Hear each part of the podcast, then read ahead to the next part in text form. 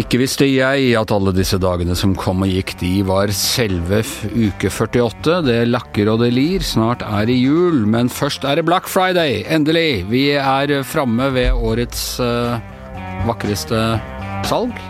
Nest etter selvfølgelig julesalget, vårsalget, pop-up stores og opphørssalgene. Uh, vi skal snakke litt mer om det seinere i sendingen, men aller først. Uh, den store Uh, saken nå, som vi ikke rakk å snakke om i går, fordi den, uh, den sprakk omtrent akkurat samtidig med at vi gikk i studio, det er at uh, den tidligere biskopen i Oslo, Gunnar Stålseth, risikerer fengsel. Han er 84 år gammel. Han har hatt en vaskehjelp i flere år, som er en såkalt ureturnerbar asylsøker, som ikke har lov til å jobbe, ikke kan returneres, ikke har lov til å jobbe, og som et nærmest sivilt ulydighetsprosjekt har Gunnar Stålseth eh, betalt henne for å øh, vaske huset sitt. Uh, og nå risikerer han altså fengsel for det. Hva mener vi om det her i VG, politisk redaktør Hanne Skartveit? Eh, loven må følges. Han må ha et samme type straff som andre som har gjort tilsvarende ting. Sivile eh, lyder kan være en veldig bra ting. Eh, og det innebærer også at man tar konsekvensene av det man eh, har gjort. Og det, tror jeg, det har også Stålsett at han er villig til å gjøre. Hvor mange sitter i norske fengsler i dag, tror du, som fordi de har hatt svart vaskehjelp? Nei, så det er veldig lite sannsynlig at han faktisk må i fengsel, både alderen tatt i betraktning, og at det vel er mer vanlig med betinget fengsel. Men han kan ikke unntas fra den vanlige strafferettspleien fordi han er uh, Gunnar Stålsett.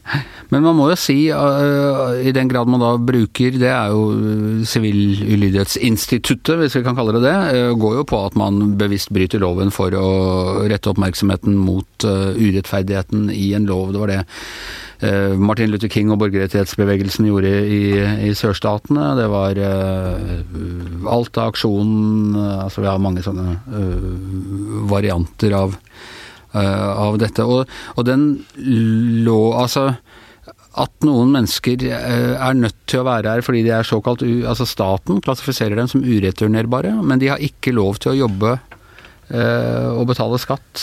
Det virker jo veldig rart.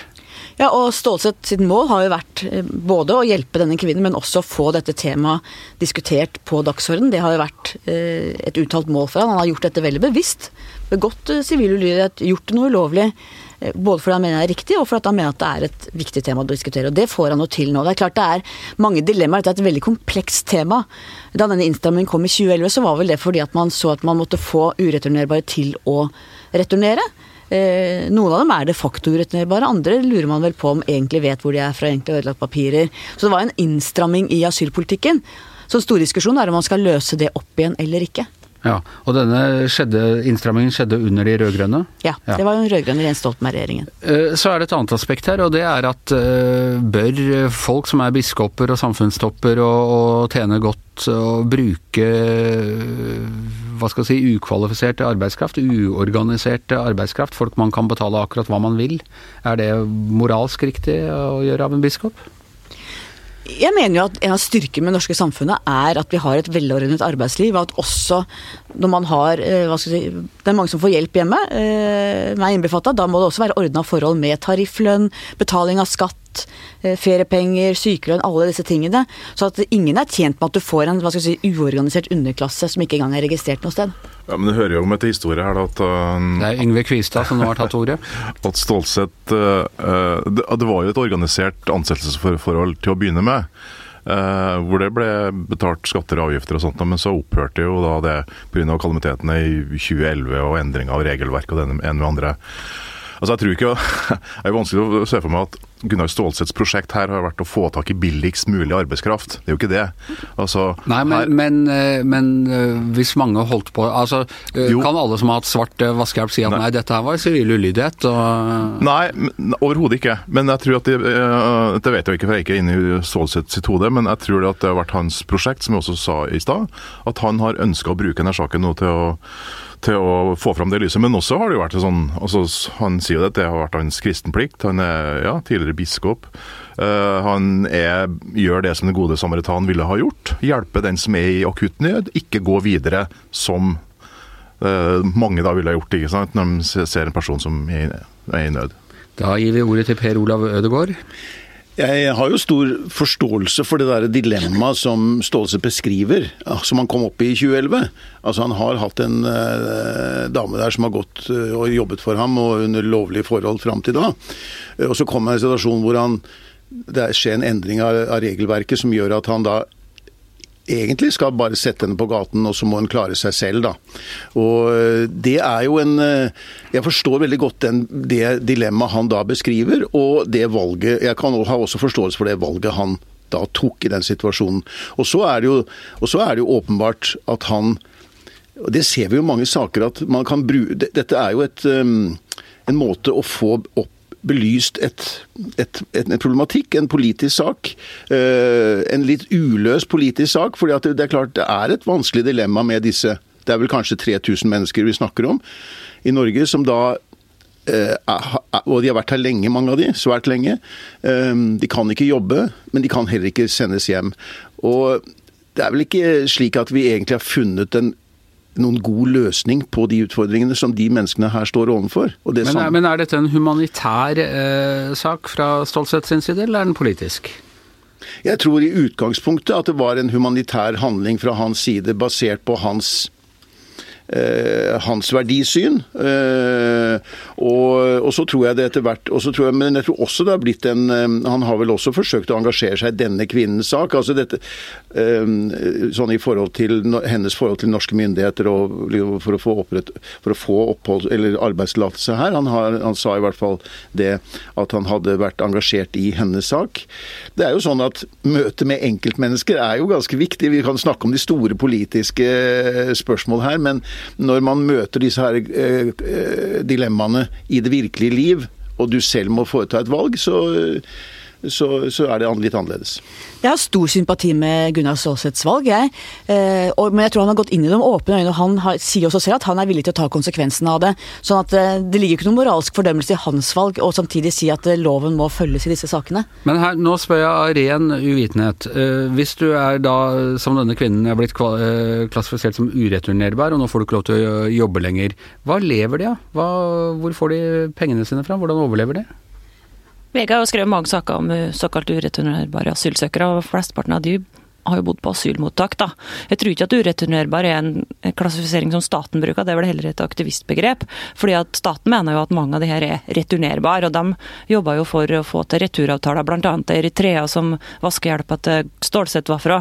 Og de mener jo at de kan returnere til Eritrea. Så når de innførte det her i 2011, det var Pål Lønseth, den innstrammende statssekretæren til ja, var det Faremo, uh, som, som fronta den saken. Og det var egentlig en feil. De har fått uh, skattekort i alle år, de her eh, asylsøkerne som da har mista, som ikke var asylsøkere lenger, for de har fått avslag på asylsøkeren. Men de har fått skattekort? Ja. Og så ja. sa de i 2011 at nå må det bli slutt med det her, det her er feil. De skal jo ikke ha skattekort, de skal ikke arbeide, for det uthyler uthuler asylinstituttet. De som ikke får opphold, de skal tilbake. Og de kommer ikke til å dra tilbake hvis de får arbeid her. Og Det, ble mye, det var mange stålsetter i 2011. Det var firma på Nordvestlandet og sånn som sa de har av folk her som mister arbeidstillatelsen nå, for de ikke får skattekort. Da får ikke de lønn. Eh, vi vil prøve å fortsette å ha dem ansatt. Nå vet jeg ikke hvordan det gikk med dem. Men eh, da bare for, det var, Og det var da for ordens skyld Astrid Mæland som sa dette. Eh, men når denne kvinnen, hun skulle da altså tilbake da til et asylmottak og der får de mat og opphold og bekostet av eh, kommunen eller staten, da? Ja, de bor jo på VG skrev mange saker.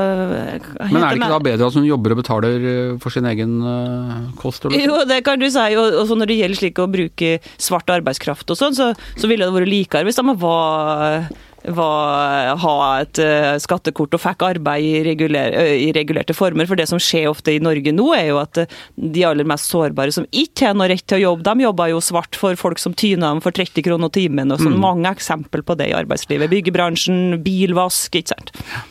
Dette er jo enda et eksempel på asylpolitikkens mange dilemmaer. For i bunnen av alt dette ligger jo nettopp det at man skal beskytte asylinstituttet. Det er ment for folk som er reelt forfulgte. Eh, i andre steder i verden.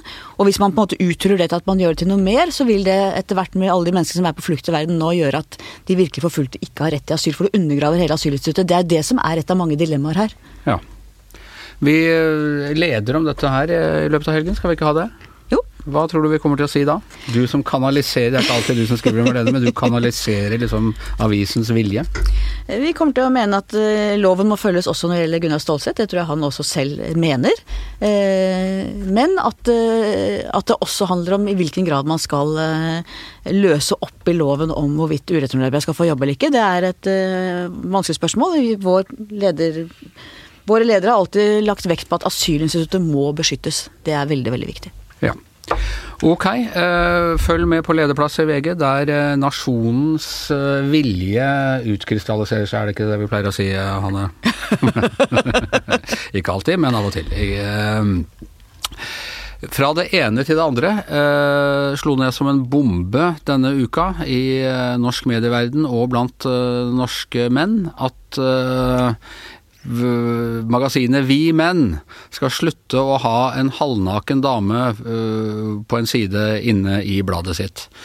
Uh, mye moro, mye sånne gøyale underledere og kommentarer og Facebook og, og i det hele tatt, men uh, for de fleste av oss egentlig ganske utrolig at Vi Menn har holdt på med det helt til nå, for Vi Menn er et seriøst eh, reportasjemagasin og mye sånn eh, ja, gode på mye sikkerhetspolitikk og, og, eh, og sånne ting, men de har altså holdt på med den der Hva tror du er grunnen til det, Hans Petter Sjøli? At At de har holdt på med det? Ja. Nei, men det er jo en tradisjon, er det ikke det? ja men det er Jo, nei, men det er jo tradisjon, sånn, det er jo som i, eh, i Playboy og den slags. Så det var jo de gode, Jo, men- lange artiklene som var det alle leste det for, og så var det noen nakne damer her. og der. jo, ja, og det kan jeg, det kan jeg være enig i. Den er fiffig, den med Playboy, for de hadde faktisk mange gode artikler. Og det har også Vi Menn. Men, de hadde, jo, men, men det er ingen som har kjøpt Vi Menn pga. den nakne dama. Og, ikke i, i, og hun er ikke engang ordentlig naken, hun er halvnaken. Og i, For du mener at det finnes andre måter å se det nakne finnes damer på for andre måter å se den nakne damer på, det gratis. eh, Så, så det, er jo, det er jo en helt corny, eh, corny greie. Enda mer corny enn The Sun, som jo hadde den der side tre-piken i alle år. Ja, men det for, eh, det første så syns jeg det er ganske utrolig at vi menn har overlevd og gjør det så bra. Så det er Ja, jo sånn, det er mange gode journalister der, og- Ikke sant? Magasinverden sliter jo veldig da. ikke sant? Mm. Mye blad som går inn og sånn, men vi menn holder stand. Ja. Uh, og vi snakka om det hjemme i går, at jeg, jeg har aldri kjøpt vi menn, altså, men jeg, på hytta og sånn så ligger det alltid noen vi menn da, av en eller annen grunn. Og det er, det er alltid mye Du bra. leser hos frisøren? sånn. Ja, ja, ja. Alltid mye bra å lese der. Og, ja, men vi har også kolleger som skriver der. Ja. eh, I hvert fall eh, ekskolleger som, som skriver der. Sånn. Det Veldig flinke folk. Veldig bra ting. Nei, altså, jeg, jeg, tenker, altså, jeg tenkte så en debatt i går med hvor kunstneren Unni Askeland eh, var, var med i Dagsnytt 18 og, og påpekte at hun syntes det var litt sånn dumt at det der eh, nakne dama forsvant. eh, Det vil ikke jeg gå så langt og si at det er dumt, men, jeg- men det er jo det er litt humørløst, kanskje, at det der er liksom sånn, skal liksom være, være så utrolig passé, liksom. Du ble Altså, i godt humør av den? Uh, ja, jeg syns det var litt sånn deilig politisk ukorrekt å si det, faktisk. Ja. Ja, for det var veldig uvanlig å høre i våre dager, da. ikke sant? Jeg syns jo sjøl at det er kjempeharry, men, men på den annen side så, så Det har jo vært en del av konseptet, da. Hvorfor- Hanne, du hvorfor du bare ler. Du bør, jo være, du bør jo være glad for at denne objektiviseringen av kvinnekroppen nå tar slutt, uh, mister en av sine siste skanser. Jeg tror dette har liten symbolverdi, men det er klart det er jo hva er er tross alt 2019, da. Ja. Eh, Jeg syns jo det er veldig gammeldags. eh, Men vi må jo, feire, vi må jo feire kroppen og seksualiteten, må vi ikke det? I dag er du så rampete humør, Alf Petter! Men Jeg, jeg håper jeg har lest noen gamle ledere til Hugh Hefner. Ja. Liksom, hvordan dette er, Ja, men altså, jeg- dette er Guds skaperverk på sitt Men utgangspunktet var jo eh, nakne Altså at damer stilte i, Det var jo også et frigjøringsprosjekt på mange måter, et feministisk prosjekt også. Det det er også fra, fra liksom eh, ja, Josephine Baker framover helt fram til vår dag, til Madonnas sexbok. ikke sant? Det var jo en frigjøring av kvinnekroppen. ikke sant? Og det, det, og, Jeg og, kan si at Mannfolkbladenes fremstilling av kvinnekroppen ikke var helt det samme som det feministene var opptatt av når de ja, men uh, du veit Det var jo litt en skille i feministbevegelsen også der. ikke sant? Men leser Fra- til nå. ja. Men leser du dette, Petter, som liksom et ledd i en sånn uh, snerpethet som er på vei inn, eller nymoralisme, eller den type ting? Når man er litt rampete humør som meg i dag, så, så gjør jeg det, ja. Ja. Men det men, uh, Mer nakenhet, men da må det være både Ja. kvinner og menn, da. Ja, men herregud, det mangler jo ikke på bilder Kvinner av muskuløse menn, nakne. gjør det det? Altså, Tenk deg hvordan Mick Jagger og, og alle de, de mannlige rockestjernene har oppført seg alltid. Når det har vært dameskjult, så er det alltid nei, det er liksom kvinner Da blir det sånn, blir det sånn ja, Jeg synes fem- Feministargumentet som egentlig snus på hodet, da, mener jeg. Ja, jeg jeg Det er syns det, det var veldig kult med Madonna som på en måte altså kvinneseksualitet, og vi er også aktører på dette markedet og sånn, det er kult. Men akkurat den derre Men- men- men ikke når det er Vi Linda fra menn-damen Jessheim. er litt mer sånn gammeldags. Ja, det er- Gi Linda fra Jessheim, det, det er jo arbeiderklassens uh, uttrykk, da. Men det er jo masse nakne altså blogger, de der damebladene har jo damer på forsida. De har jo ikke noen karer på forsida, de har jo ikke noe klær på seg, dem. eller Det er jo det der at det står 'vi menn', da. Det er jo innpakninga kanskje som er litt harry, da. Men altså bloggere og influensere, jeg vet ikke om de har noe klær på, så det er jo damer som driver og legger ut bilder av seg sjøl med lite klær og mye sminke og helt på akkurat på samme viset. Men eh, noe av det pussige med, med øh, og Jeg vet ikke om jeg, Det kan hende at nå, nå blir det irritert meg, vi menn, for det er ikke sånn lenger. Men jeg husker i hvert fall at det var i sin tid De hadde bilde av en eller annen åpenbart utenlandsk modell. Eh, tatt et eller annet sånn nøytralt sted, og så skrev de sånn Ja, her har vi Hanne for, Nei, eller ikke Hanne, for velget annen. Linda fra Jessheim. Siri fra, fra Brumunddal, ikke sant. Hun liker å bade i Mjøsa og sånne ting, og dykke med harpun og sånne ting. Så står hun der da halvnaken med en sånn harpun, og det var liksom bare helt corny, for alle skjønte at dette var ikke henne, hun het noe helt annet, og hun kom fra Tyskland et eller annet sted. Ikke sant? Det var jo, det var jo bare en, en øh, corny idé, hele greia. Jeg vet ikke hvor lenge vi menn har holdt på med disse damene, men de har jo, de har jo noe som heter Vi menn-piken, som var en sånn konkurranse, en sånn fotomodellkonkurranse. Den har jo egentlig vedvart fram til, til vår tid. Men jeg, jeg det var det nye piken. men- Nei, de har sånn Vi menn-piken. Men så husker jeg på hytta til onkelen min, så var det Altså, jeg kjøpte Vimen, og, og, og når de hadde sånn Bilekstra, bilmagasin. Det er bilmagasinet til Vimen, det var kjempebra. De hadde sånn katalog over årets ø, biler, og så hadde de også en sånn verdibørs som, med, som gikk ti år tilbake, som var veldig, veldig bra. Så var sånn. Men men og det, de, de bladene på hytta til onkelen min, de var jo fra ja, tidlig 60-tallet, sånn, og, og det var alltid en sånn, en sånn pike på fronten. Og hun var jo en veldig en, klassisk eh, den klassiske posituren som man kjenner fra disse pinup-bildene som var populære under krigen og sånn. Eh, men det er jo en tradisjon, altså det, dette er jo en populærkulturtradisjon som går over 100 år tilbake i tid. Og eh, Allerede de gamle grekerne hadde ja, ja, det er jo for så vidt riktig, men, men altså, rundt århundreskiftet så, så ble jo dette en egen sånn kunstnerisk eh, trend, altså ved, selvfølgelig ved fotografiets fremvokst. Dette er kunst, Men- dette her, altså. Jo, men, ja, men hør nå. Så, og, så, så var det også, Det vokste om egne pinup-kunstnere, altså som, som flere av dem ble veldig kjent. En som het Vargas, blant annet. Eh, og fram, fram, fram, fram til krigen så, så het det jo heller ikke pinup, det het jo cheesecake, blant annet. De kalte det sånn for better than cheesecake, og så fikk det better than beefcake, som var den mannlige.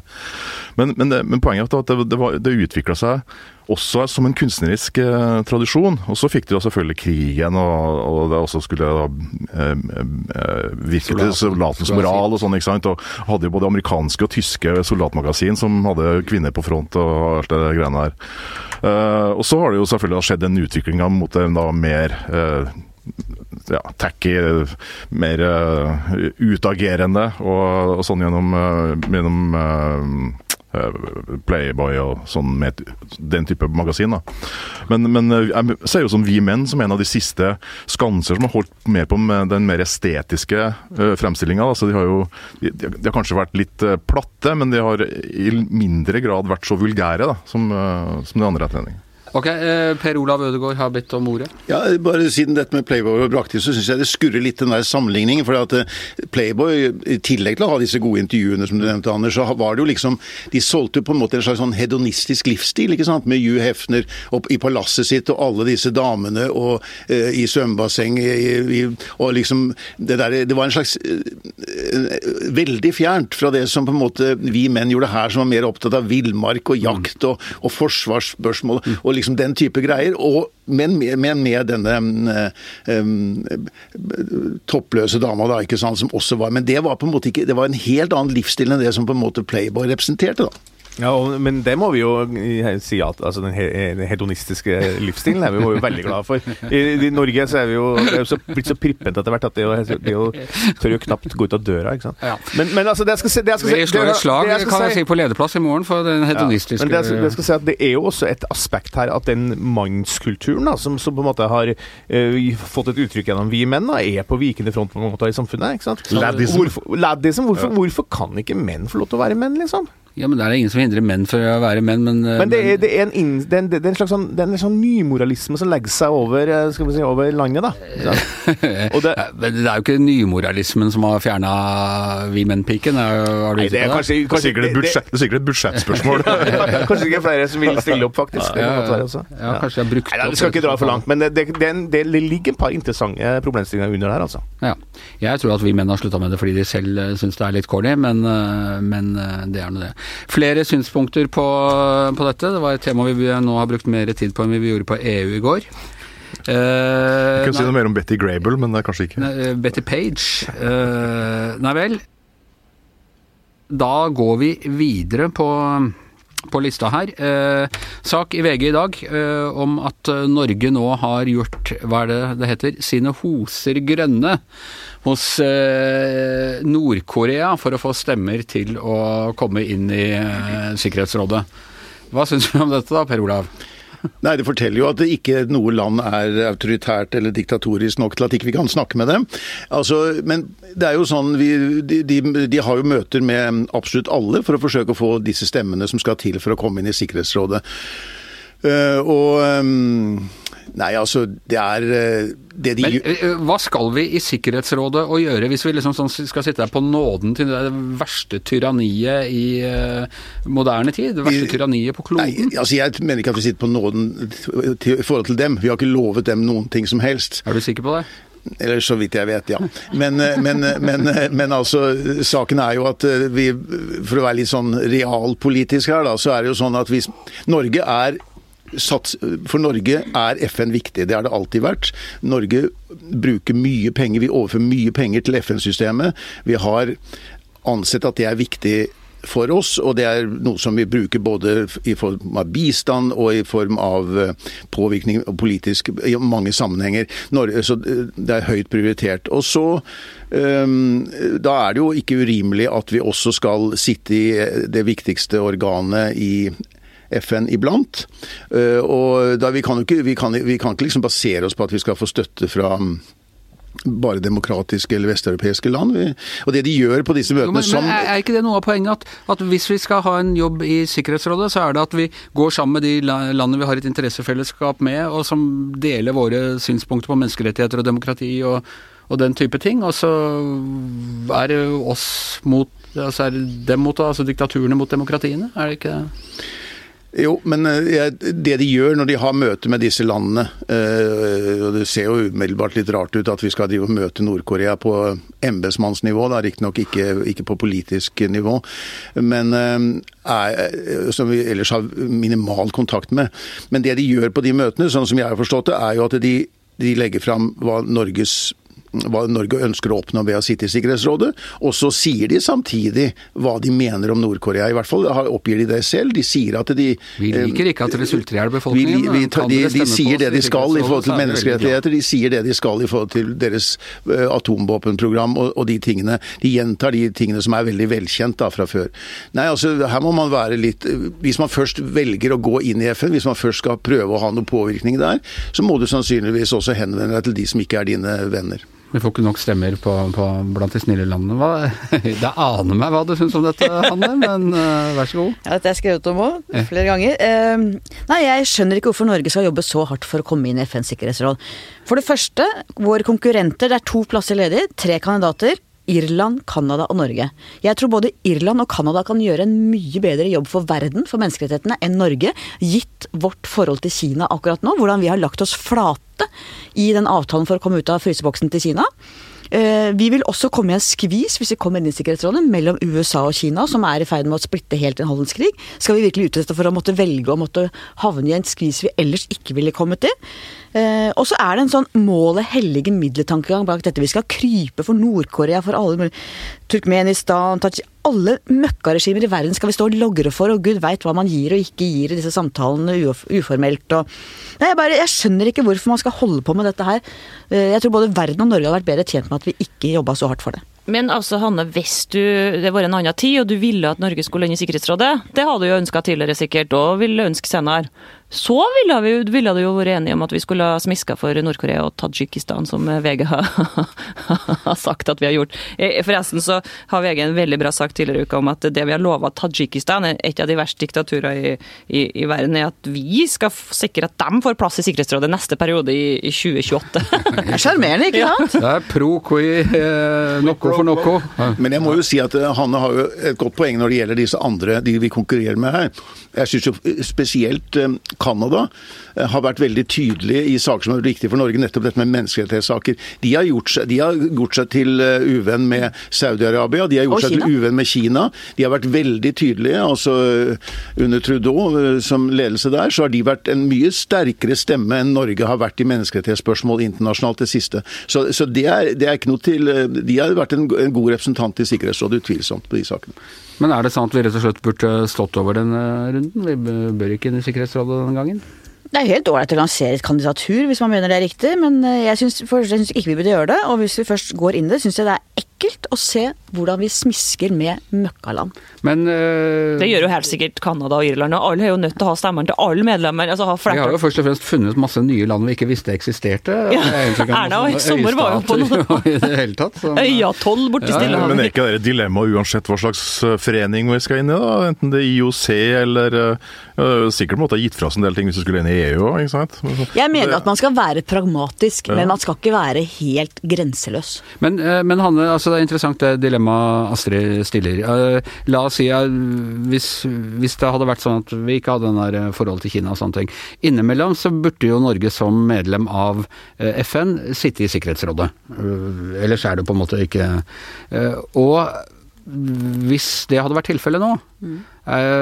ville det da vært greit med alle disse møkkaregimene at vi Helt avhengig av hva vi gir dem, hva vi lover dem, hvordan vi forholder oss til dem. For det er klart at det er 192 land i FN, og man skal stemme sånn at det er jo et poeng å få flest mulig stemmer.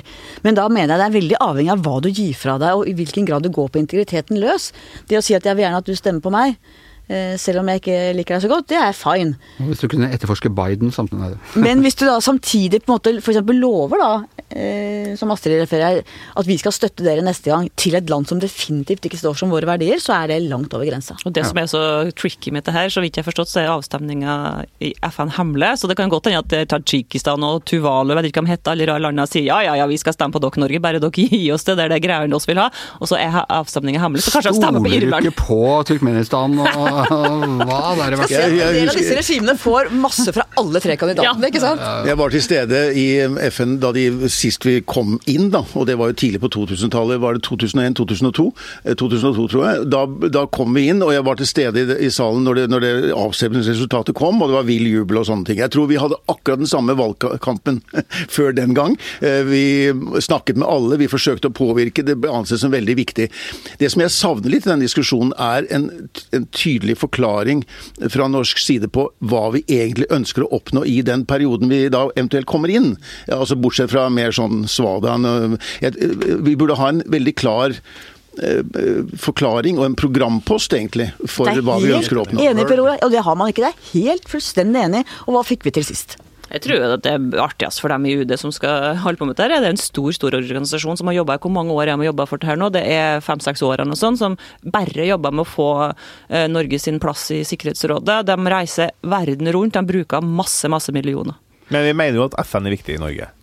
Og da må vi jo bare forholde oss til at verden er uperfekt, og da må vi jo posisjonere oss pragmatisk ut etter det. Det er jo ikke verre enn det, egentlig. Nei, enig i det, men kanskje han er rett i at tidspunktet ikke er rett. Det er helt enig. Det er ja. Kinas spørsmål til Norge er skammelig, vet du. Eh, FN er litt som eh, Eurovisjonen. Innimellom så må vi vinne Grand Prix, og, og det fører med seg mer hassle enn eh, egentlig glede, men det skjer sånn en gang hvert jubelår. Men det skaper jo langt mer begeistring i norske folk når vi vinner Melodi Grand Prix enn når vi kommer inn i FNs sikkerhetsråd. Ja, det blir neppe gledestående. Store sikkerhetsrådsfestivalen kommer til å bli laget. Ja. Ok, eh, dagens eh, siste tema, som jeg lovet allerede ved innledningen, det er altså endelig Black Friday etter en Black Week. Eh, og eh, vår eh, politisk ukorrekte høyrepopulist Hans Petter Er det høyrepopulisme? ja, ja. Høyre, du bruker høyreekstrem retorikk, som vi sier. Nei da. Men du var plutselig veldig for Black Nei, jeg Friday. har aldri vært mot Black Friday. Du har aldri vært nei, mot- nei, nei? nei, nei. Altså, jeg synes Black Friday nei, Det er vel feil å si, kanskje. Jeg har vært litt sånn Har, har hatt den tradisjonelle Du har vært mot EU, men det er en annen ting. Ja, men da, da var jeg et barn. Men, men også det samme her, ikke sant? fordi at det er liksom den klassiske sånn litt sånn universitets... eh, Litt sånn, sånn be, bedrevitersk, sånn litt Oslo Vest-aktige sånn Ja, medie- Mediebobla, ikke sant. Sånn, eh, ble det, han, vi må dempe handelstrykk, vi må liksom eh, handle mer rettferdig, kanskje litt færre klær, og liksom mer sånn økologisk bærekraftig og sånn. Det er bare tull. Ja, fordi at jeg mener alt sånt må løses på strukturelt nivå, da. Men poenget er bare her at det å kjøpe seg en billig TV, hva er problemet da? Altså det, det, er noe, det er da helt greit, det. Så det som skjer rundt omkring nå, er jo at de store kjedene som selger de tingene her, er, på konkursens rand. ikke sant? Og de vil jo bare få opp, eh, få opp handel, og, og handel og, og varebytte og sånn er en bra ting. Er det bra for dem å da faller er fallby sine varer hvis de er på konkursens rand? Det- Det er bra for arbeidsplassene i hvert fall at folk eh, Det er veldig mange folk som er ansatt i handelsnæringa, ikke sant. Det er bra for arbeids arbeidsplassene i Kina. Ja. Eh, Også i Norge. Det er mange som er ansatt i butikker i Norge. De lager ikke, lager ikke flatskjerm i Norge, vet du. eh, vi, vi trenger ikke ta Kina, trekke Kina inn i dette, men eh, Per Olav, du eh, Nei, jeg passer helt inn i beskrivelsen til Hans Petter, bortsett fra at jeg ikke bor i Oslo vest, da. Men eh, jeg bor i nærheten. Bærum. Men, ja. Mentale Oslo Vest. Ja, ja, nei, altså, jeg jeg, jeg syns dette her er bare et mas. Altså, Jeg får 10-20 sånne i min inn- innboks hver dag fra en eller annen butikk jeg har handlet på en gang, som har noe, noe tilbud i dag. Og det kommer sånne store aviser på døra som går rett i, til resirkulering om tilbud. Altså, Det er så mange salg i løpet av året. Det er opp til at vi skal adoptere den, eh, denne amerikanske tradisjonen med Black Friday, det har jeg lite Jeg, syns vi hadde klart oss aldeles godt uten. Minnes ikke det, men det er den samme diskusjonen vi hadde om halloween for noen år siden. Er halloween amerikansk, eh, sånn kommersiell greie, bare tull, liksom. Så i dag så ser du at alle unger syns halloween er det morsomste som finnes. Altså, er det er, altså, Strengt tatt, er det her et problem? Black Friday er det morsomste. Er det her et problem? Jeg syns noe av det morsomste er sånne bloggere og influensere som driver og skriver innlegg om at de i hvert fall ikke skal på handel på Black Friday, og hver dag resten av året så skriver de om hva de skal handle av Botox og luksusklær og sånn, så er de plutselig blitt Og har masse reklame på siden. Ja, ja, nå er det, nå er det, nå er det miljø akkurat i dag. Ja. Ja. Jo, eh, Black Friday-skam, kunne det være en, eh, kunne det være en ting å få innført? Hanne, hva syns du om Black Friday? Nei, jeg liker jo også å gjøre gode kjøp, men jeg har ikke tenkt å storme ut i butikkene på Black Friday. Jeg tenker det er, det er ille for småbutikkene og bysentra rundt omkring i landet, for at det er de store kjedene som vinner på dette, og det syns jeg er leit. Um, men jeg har ikke noe veldig sterkt forhold til det, egentlig. Yngve, er det noen gamle DVD-er eller noen sånne ting som kommer nå på Nei, Black det, det er altfor lite av det. Sånne ting vi kjøper? Men jeg har jo fulgt med litt i den, det som finanspressen har skrevet om dette, og for så vidt også vi. men øh, Blant annet der kartlegginga om hvor gode tilbudene egentlig er, i og med at det er da en sånn gradvis oppjustering av prisnivået før Black Friday, altså dumpe dem. Altså Det å tømme lager er jo én ting, men også på sånn ordinære varer som skal på Black Friday-salg, som plutselig er tilsynelatende veldig billig, men som egentlig så koster dem det som det var veiledende pris for tre måneder siden. Det er, sånn, jo litt lureri, ja.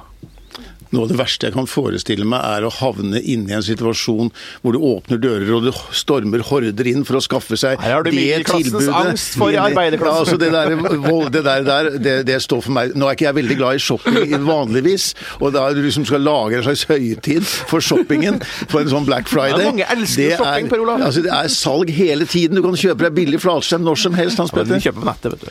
Ja. Men, eh, nå må jeg si at jeg hørte på NRK i morges, og de hadde gjort klar for storinnrykk, jeg tror det var i Tønsberg, et kjøpesenter i Tønsberg, og, og alle var helt eh, godt gira fra NRK-reporter til kjøpesentersjef, og så kom det omtrent ikke noen folk. Jeg lurer på om det er vi i mediene som er mest opptatt av Black Friday, og at folk ellers, fordi som en, eh, en av de andre sa her, det er jo salg absolutt hele tida. Eh, På et eller annet så er det høstsalg, og så er det romjulssalg, og så er det nyttårssalg, og så er Det- det, det fall- pop-up store-salg, og så er det Det er i hvert fall sant at vi har skrevet utrolig mye om Black Friday her i avisen og i andre aviser. Det er Kanskje det står ikke helt i stil med det som faktisk foregår. Nei. Men allikevel, jeg tror vi avslutter denne fredagen med et tips om hva vi vil eh, Hva vi vil kjøpe på Black Friday, hvis, hvis vi finner et godt tilbud. Hanne, du først. Jeg ville kanskje kjøpt meg et EU-flagg? Nei. Et Jeg, EU det tror jeg ikke er på Black Friday-salg. vi skal faktisk nå erstatte vår tolv år gamle dieselbil med ny bil, men jeg får vel ikke ny bil på Black Friday, tror jeg. Mm, det veit jeg ikke. Det vet jeg ikke. Eh, Sikkert. følger, har ikke fulgt med på bilannonsene. Astrid, hva vil du kjøpe på Black Friday-salg? Nei, vi snakka om det jo mannen min i går. Jeg bare nevnte ting jeg ville ha kjøpt meg. Jakker og vesker og sånn. Mens mannen min sa du tenker bare på det sjøl, og så må du kjøpe noe vintersko og sånn til kidden. Ja. Så der har du det. Klær. Klær, altså. Mm. Bra ting. Eh, For min del så er det sånn jeg har, eh, som jeg har sagt eh, før, sant? jeg har jo en skokk med unger, og da skal vi jo ha de tingene som trengs da, ikke sant? For, innenfor f.eks. elektronikk, datautstyr, TV og sånne ting. Så det, i dag så håper jeg virkelig at den ene sønnen min kjøper en TV, for det har han sagt til meg at han skal få på billig på Black Friday, så jeg Ja. satser på at han gjør det. Ja, og det har dere ikke fra før av. Nei, ja, men det, jeg skal ha han sjøl, for jeg skal ha en sånn fotball-TV i kjelleren. Ok. ok. Hvor mange TV-er har du nå? Tre. Tre TV-er, og får den fjerde i dag. Ja, men det er fint. Uh, Yngve, hva skal du ha på Black Friday? Eh, altså, jeg skal faktisk ut og handle i dag, og det er ikke for at det er Black Friday, men for at jeg må handle. Rett og slett eh, jeg skal til EU i morgen, på ferie er dager. litt som å si at du leser Playboy pga. de gode artiklene. Ja, det, det gjør jeg også. og så, og så skal jeg, jeg, skal på, jeg skal til EU på ferie noen dager, og så skal jeg på jobb eh, i EU etterpå. Ja. Eh, og jeg må rett og slett ha, jeg må ha en ny koffert, fordi at eh, Norwegian har blitt så veldig veldig streng på det du kan bære med om bord. Og jeg har en sånn, sånn ombordkoffert som er litt for tung. Jeg måtte fa- det var faktisk fire kilo uten noe ting i. Så har jeg nå sett at Claes Olsson har da en eh, lett eh, koffert som eh, veier bare 900 gram, et eller annet sånt. da. Så det skal jeg og kjøpe. eh, hvis dere da hører at uh, Claes Olsson er vår sponsor på denne, da Ja, men, det er det du som sa jeg skulle si ja, det! Ja, ja, ja, veldig bra. veldig bra. Det er det eneste helt konkrete som har gjort litt research på Black Friday her. Eh, per Olav, er du, skal du etter din lille tirade skal du ut og handle på Ingenting, absolutt ingenting. Nei. Alt jeg trenger. Skal ikke kjøpe mat i dag engang? Kanskje det, men det er ikke på, jeg tror ikke det er på noe tilbud. Nei. Polet har de noe Black Friday-tilbud? ja, det kunne vært noe. Nei, nei, jeg tror ikke det er Black Friday på polet. Ok, da, Hanne. Skal du kjøpe det, Anders? Uh, ja, ja. uh, nei, jeg vet ikke. Uh, slips har jeg en del av nå, eh, men jeg har eh, vurdert om jeg skal gå og se om det er noen fine skjorter, for det syns jeg er eh, skjorter eh, Jeg er glad i skjorter, og de koster eh, usannsynlig mye, de ålreite skjortene, men på sånne disse, denne typen salg så er de omtrent halv pris, så det kommer jeg kanskje til å kikke etter. Uh, ja, Hanne. Uh, I morgen, hva skal du skrive om da? Jeg nevnte EU-flagg. Jeg skal skrive et beinhardt ja til EU. Jeg mener at det nasjonale selvrådighetsargumentet er det beste argumentet ja-siden har, ikke nei-siden. Ja. Eh, Dette snakket vi lenge om i går også. Vi søkte desperat etter en motstemme i EU-debatten. Jeg skjønner at det ikke er deg eh, i, denne, i, denne i denne redaksjonen, men utenfor huset så, så er det desto flere. Da er Giæver og gjengen eh, over for eh, denne uken. I studio Per Olav eh, Ødegaard, eh, Yngve Kvistad, Hans Petter Sjøli, Astrid Mæland, Hanne Skartveit. Jeg heter Anders Giæver, og vår eh, formann i denne handelsstanden og mannen bak spakene, Magne Antonsen.